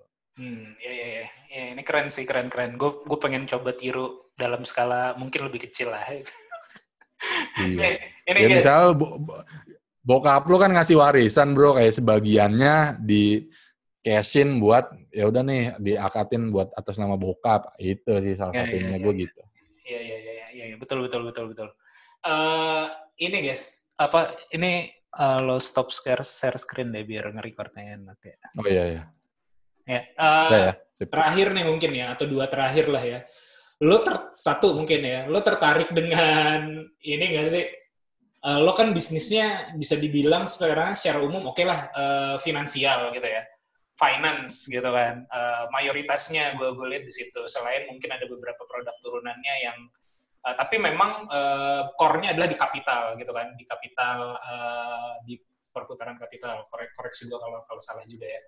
Eh, lo tertarik ke masuk ke dunia digital nggak sih sebenarnya Eh, dari sisi entah dari bukan dari finance ya tapi maksudnya apakah ke bisnis digital baik sebagai investor ataupun sebagai lo sendiri mau melakukan atau menurut lo ah udahlah kayaknya gue udah nggak mau deh di fase sekarang ini udah udah terlalu telat buat gue dan eh, lo akan fokus ke yang lo bisa dan lo bisa kontrol dan lo bisa pegang. Eh, pandangan lo gimana Ya. kalau kayak gitu? Sa- eh, ini bakal jadi terakhir ya, karena gue rada panjang ceritanya sedikit. Hmm. Jadi ketika ngomongin world gitu creation itu dikit, ada, sekalian, sekalian lo cerita ya, what's next sih ya, sebenarnya ya, ya. yang lo lakukan. Oke oke. Tadi apa? eh, lagi gue diskusi world creation ya di Facebook salah satunya. Gue ada diskusi sama istri gini. eh gimana caranya menghasilkan eh, passive income 50 juta sebulan? Eh, Kira-kira berapa dana yang kita butuhin gitu? Ini pertanyaan creation nih. Menurut lu berapa, Ji? Dari aset to cash. Ya, jadi ibaratnya lu butuh duit berapa biar mendapatkan passive income 50 juta sebulan. Duit Ya, itu kalau- diapain gitu? Kalau hitungan deposito ya taruh aja berarti eh, 0, 10 miliar. iya ya ya 0, Nah, persen ya kan gitu kan. Itu jawaban istri gua. Gua butuh 10 miliar. 10 miliar, deposito 6 persen. 6 persen berarti 600 juta eh, per setahun kan. Berarti sebulannya 50 juta. Gitu. Terus, wah 10 M kegedean. Gede banget kayak gitu kan. Untuk mendapatkan itu gitu. Eh, terus eh, ngelempar diskusi ke teman-teman rata-rata jawabannya mentok di properti. Jadi kayak properti, oh gue beli ruko disewain, beli gudang disewain, eh, terus dan lain-lain lah. Sampai ada diskusi menarik sama teman. Bisa banget itu bro, 500 juta juga gue rasa bisa. 1 M lah bisa. Gimana nih? Menarik nih. Karena di saat orang ngomongin 5 M sampai 10 M buat dapetin passive income 50, ini dia beliau ngomong di angka 500 juta sampai 1 miliar. Dan proven deh, teman-temannya udah, dia juga sudah. Apa sih bro? Jawaban dia, aset digital. Jadi yang lu fokusin bukan di aset eh, ini lagi, tapi udah ngomongin aset digital. Apa aja dia bilang. Pertama, blog misalnya. Blog AdSense, website. Gitu. Dia bilang, eh dia bilang untuk menghasilkan 50 juta per bulan, itu lu butuh sekitar 200 sampai 250 juta. Dia udah ngelakuin dan berhasil segitu. Makanya ini bulan kedua gua nih udah masuk gue investasi di eh, blog juga. Gue lagi bikin blog AdSense target bule gitu ya. Yang bahasa Inggris. Gue udah nyiapin tuh setahun 250 berarti per bulan 20. Nah, ini gue udah bulan kedua nih gua udah 20 udah 40 jutaan lah berarti. Ya eh, simpelnya ya kayak lu bikin tulisan di situ gitu kan nyuruh penulis terus ntar dioptimasi dan lain-lain pakai SEO gitu gitu lah. Itu. Yang kedua eh, YouTube misalnya, musik, eh, video, ada kan produser gitu-gitu segala macam. Yang ketiga ngomongin foto, Shutterstock, Microstock, itu kan pixel gitu-gitu banyak ya dan segala macam. Sama yang keempat e-course. Ini eh, apa course bikin eh, bisnis kopi kekinian dan segala macam apa eh, kursusnya gitu kan atau yang gue lakuin misalnya di Muda Mapan. Tapi Muda Mapan bukan e-course sih. Maksudnya karena bukan video orang nonton gitu ya. Gue langsung interaksi. Eh, sehingga ya tadi wah gue udah netepin nih dua bulan dua tahun ini saatnya gue investasi di digital di aset digital. Bahkan yang lain gue udah pending dulu tuh. Gue nggak beli tanah atau beli properti. Ya gue ke digital nih makanya eh, salah satu inian gue gitu. Ya kalau lu ada penawaran ya ini maksudnya masuk sih dari radar gua itu sih bro what's next-nya apa ya tadi ya gua nggak tahu ke depannya gimana tapi dua bulan tahun ini sih kayaknya gue mau nyoba sih mau belajar belajar di eh, digital ini ininya gimana Ya, mudah-mudahan sukses lah apa yang lo lakukan ya. Selanjutnya. Harus sukses, bro. Ya, harus sukses. Hidup cuma sekali. Enggak ini. ya, eh, ya ini keren banget sih. Jadi gua gue simpulin lagi perjalanan lu dari awal memulai bisnis yang tadinya tidak disengaja, ibaratnya hanya gara-gara eh, alasan IP saja. Tapi gua rasa itu sih alasan yang dibuat-buat ya. Kalau gua gue kenal lu udah lama banget, lu nggak mungkin sih orang kantoran ya. Eh, Tapi dulu mimpi gue jadi itu, bro. Well, apa welder engineer. Ah, bohong banget itu itu kayak cuman cuman ini doang tuh. Kayak cuman oh gara-gara di kelas, ih, kayaknya keren nih kayak gitu Iya, doang. mimpi mimpi tingkat satu. bukan bukan bawaan dalam Mi- Mimpi ut- mimpi utama gue dulu, gue pengen jadi orang kaya. Makanya gue masuk material, materialis, ya kan? Materialistis. gue harusnya pengen jadi olahragawan teknik fisika fisik gue Oh. pikir fisik Oh iya betul fisik. ternyata bukan oke bro jadi perjalanan lo lika-likunya keren banget sih dan uh, bisnisnya juga sekarang udah keren Uh, mudah-mudahan mudah-mudahan terus berlanjut dan membagi manfaat buat orang banyak terus-terusan dan gue dukung banget lo kalau mau bikin podcast Uh, Siap. gitu doang sih oke thank you bro waktunya Uh, Sama-sama. Ya, terima kasih juga buat yang udah dengerin. Eh, mudah-mudahan ada manfaatnya apa yang kita obrolin, ngalor ngidulnya segala macem. Eh, sampai ketemu di episode ngobrol bisnis berikutnya. Bye.